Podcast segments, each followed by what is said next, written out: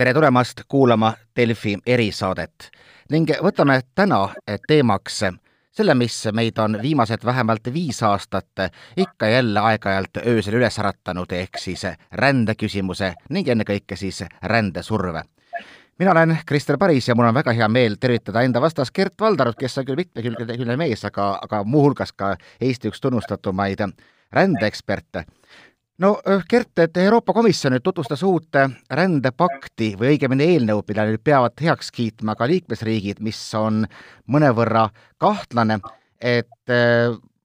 võrreldes võib-olla varasemate mõtetega on siis rohkemat rõhku vähemalt avalikkuses pandud nendele, kes, nende, kes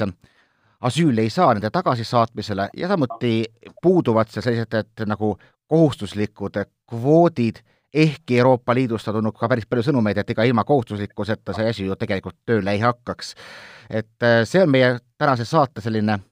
nagu alus, mida, miks me üldse praegu sellest räägime, sest ka Eesti riik peab mingi hetk kujundama oma seisukoha selle rändepakti suhtes. aga alustame sellest, et mis üldse on muutunud aastast kaks tuhat viisteist, no siis oli šokk piirid järsku ei pidanud, tuli vist umbes viissada tuhat, kui ma õigesti mäletan, äh, dokumenteerimata, ühesõnaga mitteametlike kanaleid kaudu inimesi Euroopa Liitu, päris suur hulk läks nendest Saksamaale ja nüüd on olnud viis aastat aega siis Saksamaal ka näiteks hinnata, et kuidas on sealne lõimumisprotsess äh, hakkama saanud?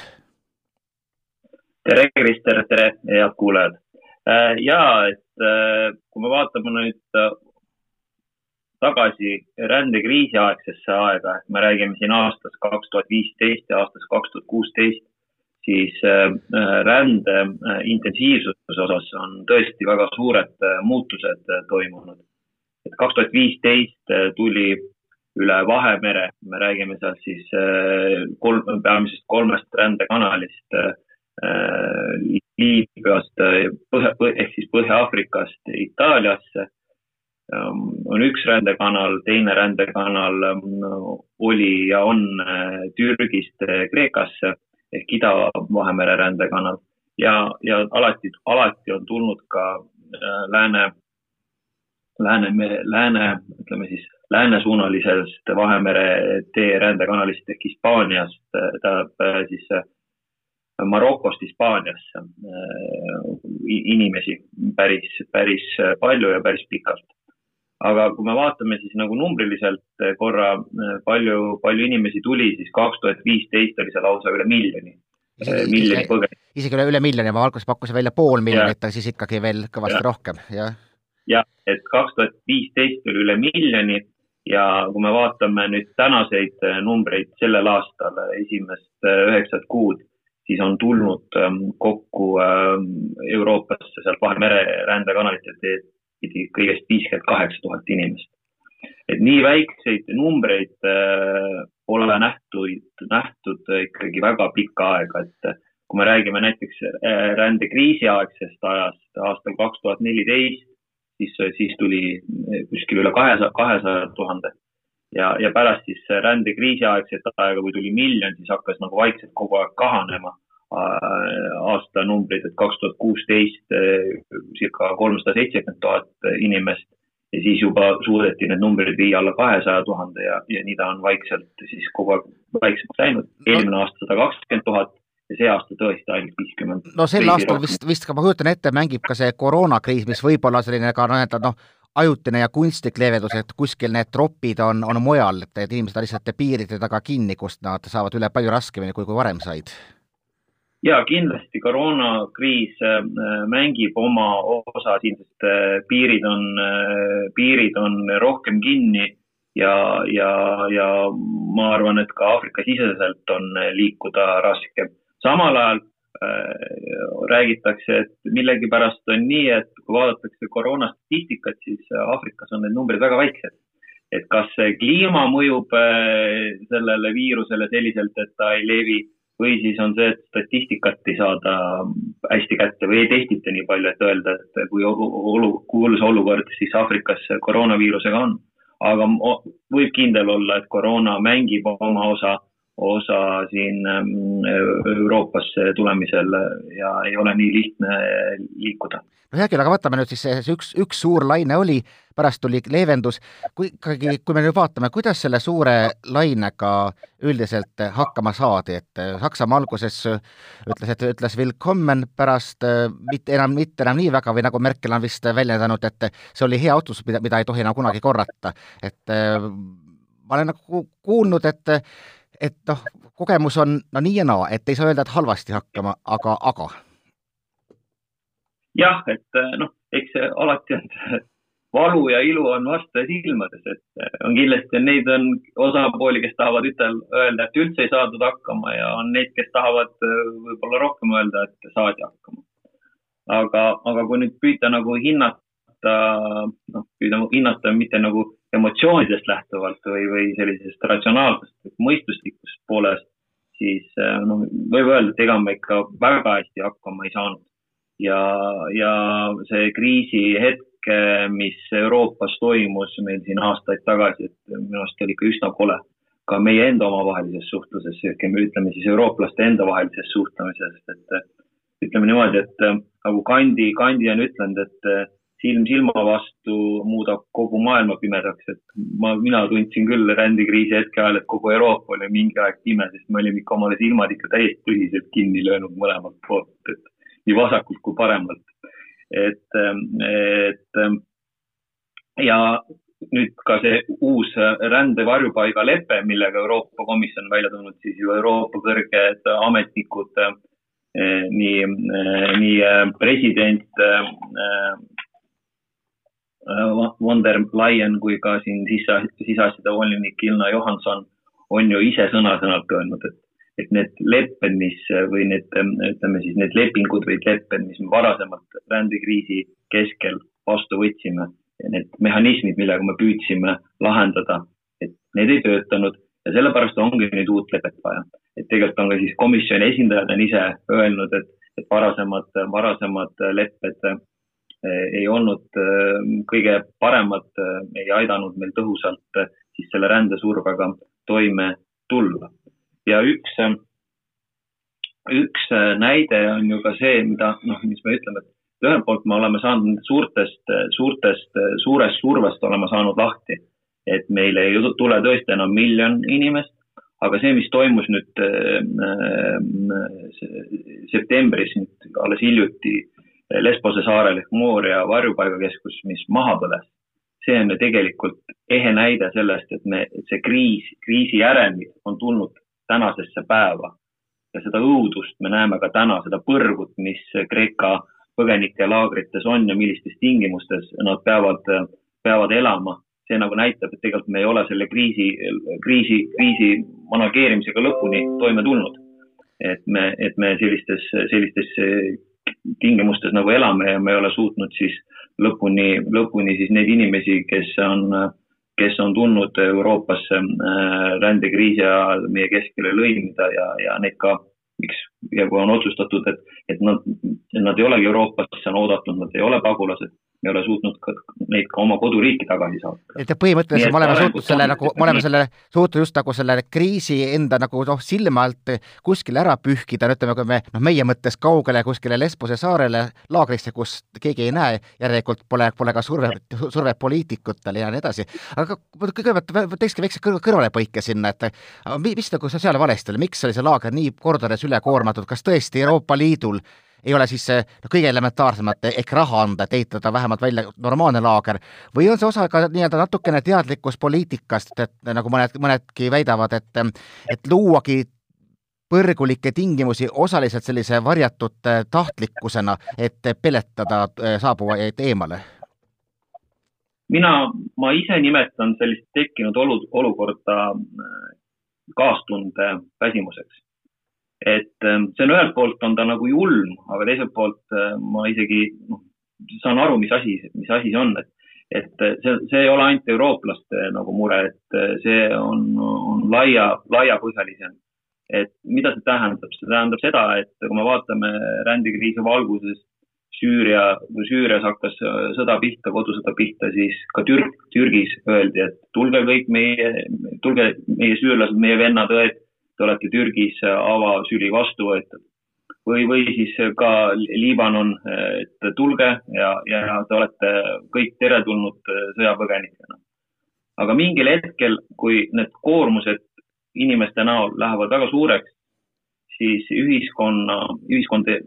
tekib nagu sihuke tagasipõõre, et sa nagu näed, et, et sa oled küll vastu võtnud, aga sa ei ole võib-olla nendega nii hästi nagu toime tulnud, et nad ei ole need põgenikud või pagulased, kes on nagu ühiskonda liikmeks tahavad saada, et nad ei ole leidnud seda kõige paremat kohta võib-olla ühiskonnas, noh, seal ja, ja noh, tekivad nagu siis ka kokkupõrked, ütleme siis põliselanike, põli, põliselanike vahel. kas see kokkupõrge saab olema näiteks tööturul, et noh, liht, liht, eriti veel lihtsa töö puhul, et sisserännanud on valmis tegema, tegema odavamalt tööd kui, kui põliselanikud. Et ja siis ühelt maalt tekib selline nagu kaastunde väsimus, et me ühelt poolt mõistame, et te olete põgenenud sõjakoldest, teil on olnud väga raske. aga meil ka siin oma koduriigis on raske, et äh, ka võib-olla elementaarsed äh, elamisvajadused ei saa, ei ole täidetud ja siis tekivad sellised hõõrumised. ja nüüd, kui tuleme tagasi selle Kreeka laagri juurde, siis jah, et, et räägitakse seda, et ühelt maalt Euroopa Liit on küll abi pakkunud, aga Kreeka ise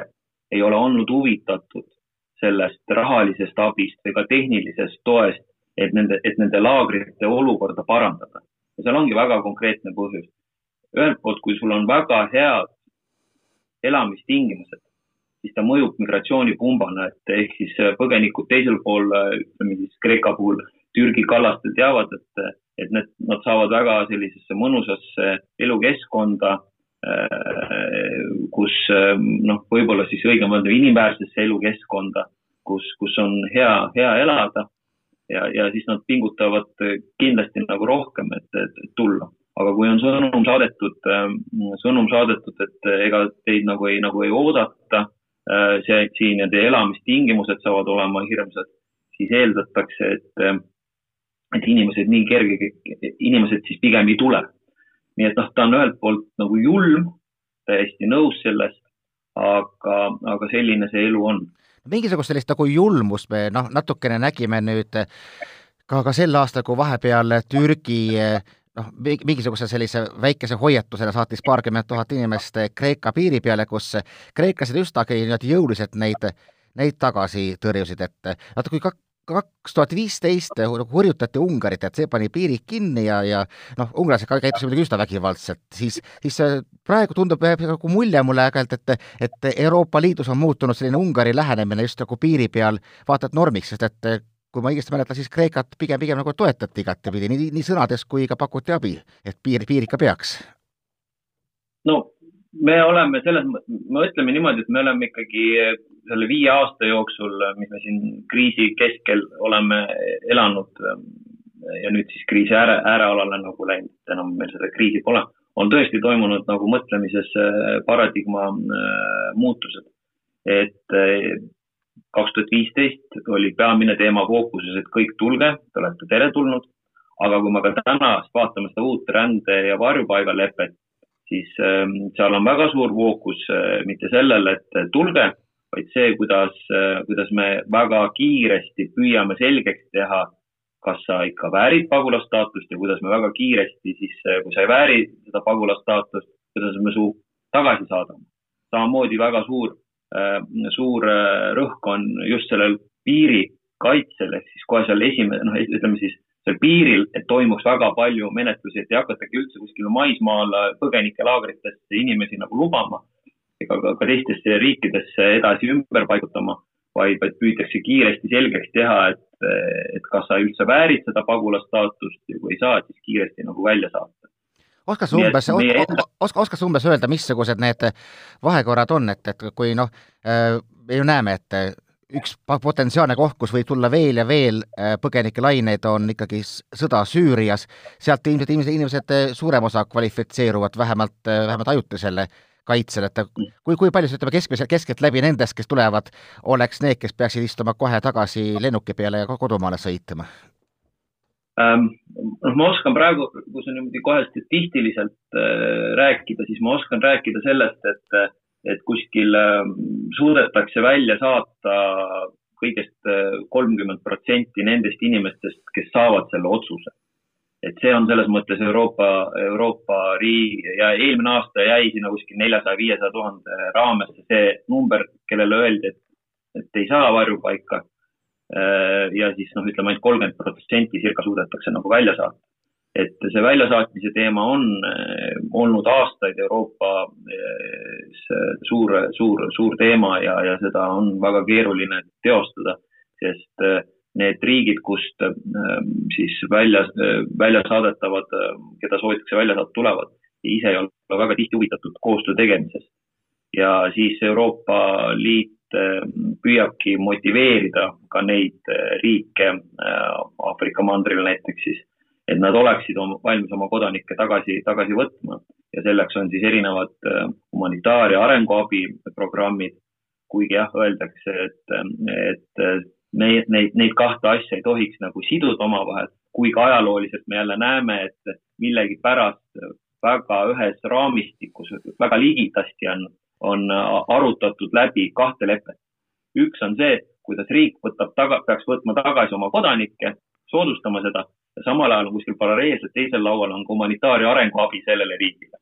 noh, et siit võib tekkida sellised küsimused, et miks ikkagi paralleelselt nagu neid asju nagu kiputatakse läbi, läbi rääkima. aga ka noh, tänases selles uues äh, Euroopa äh, rände varjupaigaleppes keskendutakse sellele ja väga konkreetse mehhanismina on siis välja toodud, et, et kui ikkagi liikmesriik või mitte Euroopa kui liikmesriigiga Aafrika riik ei tee näiteks koostööd, ei võta oma kodanikke tagasi, siis äh, Euroopa Liidul on siis hakata õigus piirama viisade andmist üldse selle riigi kodanikele. ehk siis nendele kodanikele, kellel justkui nagu oleks õigus tulla siia rahulikult äh, äh, turismi harrastama või, või, või, või, töö, või tööle. siis neid viisasid lihtsalt ei anta pannaksegi nagu lukku. aga mis nagu nendest ikkagi saab, see on, tundub nagu endale, vaata, et kõige suurem probleem selle rände juures on just, et need, kes,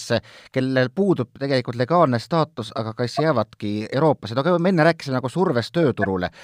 siis jah, tõsi, me kujutame ilmselt ette, et aga Saksamaal on päris palju kas või doktorikraadiga süürlasi, kes, kes näiteks teevad kebaabi, võib-olla sealt utreeritud, aga, aga kõik need, kes kuskile kaovad üldse radari alt ära, et mis, mis, mis nende roll saab olema, ega nad ometi ei panusta organiseeritud kuritegevusse või on siiski noh, tegelikult võimalik Euroopas päris hästi elada ka, ka nii, et sul dokumente ei ole? no ma arvan, et siin nagu ühest vastust ei ole, et sa, sa vastasid tegelikult kohati ise, vastasid ise sellele küsimusele ära, et siin on tõenäoliselt loomulikult, kui sul ikkagi töö, osad tegelevad kerjamisega, osad tegelevad ebaseaduslikult töötamisega, osad ei ole midagi teha, satuvad kindlasti ka kuritegulik, kuritegulikule teele ja, ja, ja kuritegelikel võrgustikel on hea ära kasutada selliseid inimesi, kellel pole justkui juriidilist staatust siin nagu olla. aga kindlasti mõned, on ka neid inimesi, kes leiavad täiesti, täiesti sellise, suudavad lõimuda ühiskonda, suudavad leida selle äh, tee kuidas ennast seadustada korralikult töötades. nii et siin nagu ühest vastust ei ole, et aga kõik asjad on, pole mõtet nagu eitada, öelda seda, et probleeme ei ole või siis ühelt teiselt poolt öelda seda, et kõik on väga hästi nendega, kes, kes tulevad. osadega on probleeme, osadega ei ole. noh, me kõik oleme inimesed, ka meie enda, enda, enda eestlastega on, on meil tubli, tublimaid eestlasi, on äh, mitte nii tublisid eestlasi, et, et see on selline inimlik, inimlik pool asjal lihtsalt. Lähme nüüd inimeste juurest natuke suuremate inimkoosluste ehk, ehk riikideni, et noh, ma Türgit korraks mainisin, kes eh,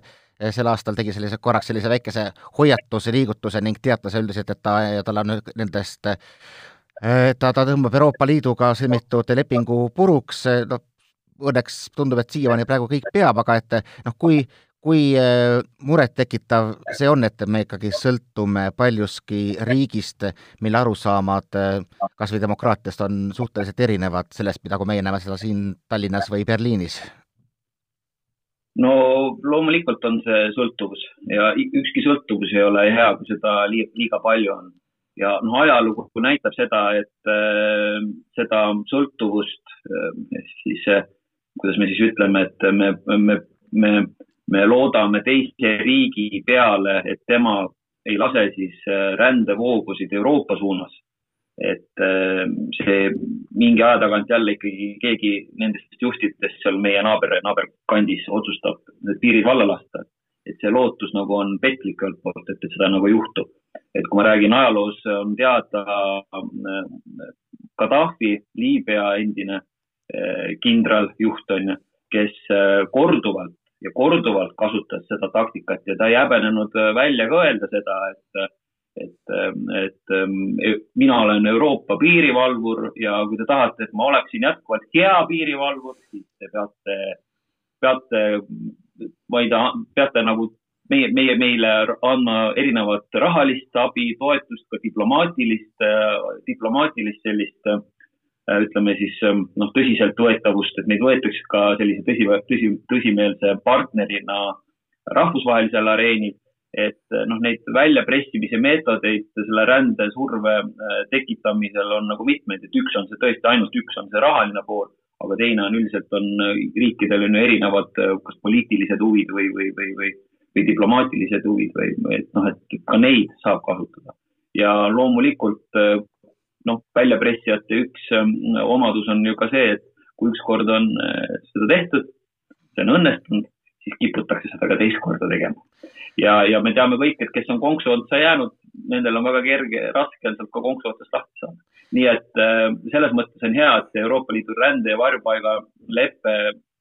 leppega on mindud mingil, mingis mõttes jälle uuele ringile, et me vähemalt me üritame, me mõtleme pidevalt sellele teemale, kuidas iseseisvuda ka sellise rände haldamise osas, et me ei pea sõltuma kolmandatest riikidest, et no üks, üks... ühel tugev jah, et üks osa sellest ongi seesama, sama rändepakt, mille nüüd ju komisjon välja tõi, et tegelikult komisjon on, on ilmselt mõtelnud eh, pead villi, et kuidas eh, saada hakkama ja saada ka eh, kokkuvõttes siis liikmesriikide nõusolek sinna taha, et, et kuidas sulle tundub, kuidas selle paktiga läheb, kas kas, kas, kas otse prügikasti või tegelikult ikkagi suudetakse leida kompromiss, millele kõik kakskümmend kuus alla kirjutavad, üheksakümmend seitse? see, kas ta, kas ta läheb täies ulatuses prügikasti või ainult osaliselt prügikasti või, või äkki juhtub lausa ime, et ei lähegi, täies osas võetakse vastu. et sinna on veel tegelikult pikk maa minna, et seda me täpselt ei tea praegu keegi, et kuidas need arutelud hakkavad tulema, et eh, noh, positiivne on selle pakti puhul see, et eh, noh, kui me võrdleme seda varasema kahe tuhande viieteistkümnenda kriisi, kriisi keskel, et siis, kui see supp kõige valusam, suppi keedeti ja siis me supi keetmise keskel hakkasime seda suppi lausa sööma, mõtlema välja erinevaid siis äh, neid häid, häid lahendusi. täna õnneks on teine olukord, et see supp ei ole nii kuum, et, et meil on nagu võimalik äh, rohkem arutada, võib-olla ka mõistuslikumalt, vähem emotsioonirikkamalt, äh, milline võiks olla siis Euroopa Liidu lahendus Euroopa rände ja varjupaika haldamisel. et noh, positiivne pool, ma näengi seda, et, et kui varasemalt hakati arutama, siis minu meelest polnud üldse aru saama, et midagi, mida tuleks teha. ühed ütlesid, et kõik tuleb vastu võtta siia Euroopasse, teised ütlesid, et mitte kedagi ei tohiks nagu võtta. Aga, aga ei olnudki sellist plaani, et mida peaks tegema. et täna ma nagu seda, kui me seda lepet nagu loeme, et me näeme, et seal on olemas, aja jooksul on tekkinud kindlad arusaamad ja ma näen, et riigid on ka teineteisele nagu lähenenud. on saadud aru, et ja sellel on üldine kokkulepe, et me peame rääkima sellest, et äh, kolmandates riikides ehk nendest riikidest, kust ränne tuleb, sinna tuleb panustada koha peal, et, et äh, tuleb püüda seal äh, tegeleda ka inimkaubanduse, inimkaubandusega tegelevate organisatsiooniga, tuleb aidata neid riike siis oma majandust ja ka haridust ja kõike sellist asja nagu üles, üles ehitada. ja samal ajal võib-olla on tõesti mõistlik ka ikkagi see, et äh, need varjupaigakeskused mingil kujul on seal Aafrika pinnal, näiteks kui me räägime Aafrikast tulevast rändest ja sealt võetakse siis, äh, püütakse ka välja selekteerida inimesi, kes, äh, kes vajavad päriselt pagulasstaatust, et need Euroopasse tuua. ehk selline välismeetes on nagu kokkulepe olemas. samuti on arusaam selles, et oma piiri, Euroopa Liidu piiri tuleb valvata ja, ja, ja, ja see, see, et peab seda nagu tõhusalt kaitsma ja, ja noh, meil on võib-olla varasemalt, kui me, me näeme näiteks, et võib-olla see on tulenenud sellest, et väga paljudel Euroopa suurriikidel, need, kes meil kes Euroopas, kellest sõltub Euroopas väga palju, näiteks võtame Saksamaa, nendel polegi ju välispiiri, ütleme selles mõttes noh, maismaa, maismaa välispiiri. et, et, et ta varasemalt võib-olla ei olnud nii suur fookus sellele Euroopa välis, välispiiril, kui ta täna on ja kõik saavad sellest aru tänasel päeval, et, et välispiir peab pidama. samamoodi, kui me nüüd, inimesel õnnestub välispiirist üle saada, siis peab kiire, toimuma kiire tuvastamine, kellega on tegu ja, ja kui ei ole pagulane, siis ta kiiresti ka välja saata. viis aastat tagasi väga võib-olla mõned ei julgenudki seda sõna väljasaatmine nagu kasutada. täna juba me räägime, et see on, see on täiesti nagu normaalne, et rääkida sellest, et võib-olla kõik ikkagi ei vääri Euroopas kohta ja nad peaksid Aafrikasse nagu tagasi saatma. ja, ja kolmas on see, et ikkagi püütakse otsida äh, sellist solidaarsust liikmesriikide vahel. Äh, et, et need riigid, kes satuvad rändesurve alla, et siis teised riigid toetaksid seda on see siis see ümberpaigutamine, mis äh, on tekitanud varasemalt, tekkis väga suur furoor. täna on komisjon saanud aru, et, et nii otseselt enam peale sõita ei saa, et öelda, et liikmesriigid peavad minema võtma äh, siis näiteks äh, rändesurve alla jäänud riigist isikuid ümber paigutama. Nad on pakkunud välja alternatiivi, et võib appi minna ka selliselt, et kuna haldus kuna selge on, nagu me e-, eelnevalt vestlus, vestluses välja tõime, et väga paljud inimesed saadetakse ikkagi koduriiki tagasi, aga selle menetlemine on väga raske ja kulukas. et siis teine liikmesriik läheb hoopis selles valdkonnas appi, ütlebki, et ta aitab saata siis äh, osasid inimesi äh, oma, oma sinna uude, vanasse koduriiki tagasi. Ja kolmas, kolmas pool on siis äh, see, et on võimalik ka sellises rahulikumal perioodil toetada noh, rände mõistes rahulikumal perioodil, kui ei ole surve väga ülisuureks läinud ja me ei ütle, et me oleme uues kriisis, siis on võimalik toetada ka rahaliselt ja, ja saata oma eksperte appi ja, ja tehnilist nõu ja tugi anda vot üks, üks moment, mida sa mainisid, ma tahtsingi just lõpetuseks küsida, kui ma ei eksi, oli vist ajakirjas Economist huvitav selline ettepanek, aga teate, aga kui Euroopa ongi nii-öelda mitmenäoline, ühed võib-olla on rohkem kaastundlikud, teised ikkagi hoolitsevad rohkem selle eest, et, et ei tuleks, et kvoot oleks ikkagi võimalikult null, et jaotadagi ära niimoodi ülesanded, et näiteks Ungari, kui talle, teile meeldib migrantidega karmik käituda, siis teie lahendage palun nende väljasaatmine, aga need, kes tahaksid rohkem vastu võtta, need teevad, et ennustad sa mingit tulevikku sellisele eh, mitme, isegi mitmesuunalisele Euroopale? noh, jah, selles mõttes, noh, ma põhimõtteliselt, mida rohkem valikuid laual on, seda tõenäolisem on, et keegi leiab sealt äh, midagi, et see on öeldud ka selles mõttes, et selle solidaarsuse kohta nimetatud, et see on a la carte solidaarsus. sa valid sellise siis punkti sealt, et kas sa võtad, ümber paigutad, tegeled väljasaatmisega või annad nagu raha. aga kui me räägime korra jah, sellesama teema juures, siis äh, noh, me, me, me näeme siin tegelikult tuliseid, me hakkame tõenäoliselt nägima, nägema siin veel ikkagi tuliseid vaidlusi, sest äh, noh, näiteks seesama väljasaatmise teema, et äh, siin on äh, on äh, öeldud, et kui, kui sa seitsme-kaheksa kuu jooksul ei suuda seda inimest, kes alguses on Itaalias ja kelle välja saad, no näiteks Itaalias või Kreekas, sõltub, kes on rändesurve alla jäänud. aga miks, aga ärme unusta ka tegelikult äkki Leedut hoopis, sest et, et see, see, selle,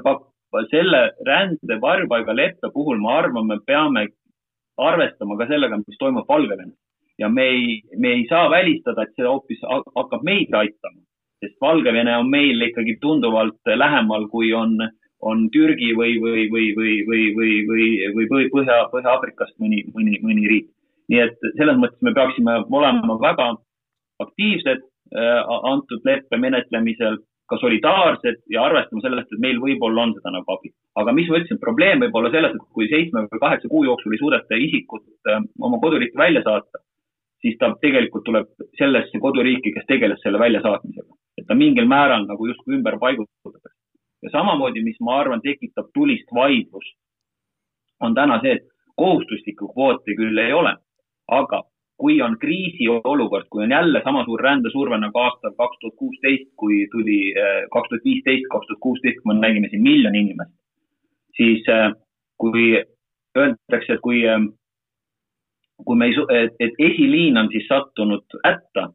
ja, ja luba ja liikmesriigid ei täida oma lubadusi, noh näiteks, et nad on lubanud võtta sealt kas siis ümber paigutada või välja saata inimesi, siis on komisjonil ikkagi õigus hakata nõudma teatud ulatuses inimeste ümberpaigutamist ja ümbervõtmist, et siin on isegi protsendid ära mainitud, et, et justkui riigil on, on selline kokkuleppeline summa või kokkuleppe inimeste arv, mis on kokku lepitud eelnevalt prognooside põhjal ja siis komisjon võiks nagu selle arvu suhtes siis äh, circa viiskümmend protsenti nendest nagu määrata ise riigile, et te peate ikkagi siis võtma kas ümberpaigutamiseks või, või tähendab, kas siis väljasaatmiseks või ümberpaigutamiseks oma riiki. jah, nii et see, ma arvan, tekitab tulist vaidlust. nii et võime jah näha, et kui natukene Šveiki parafraseerida, et tuleb alles parkimine. et suur aitäh, rendeekspert Gert Valdaru!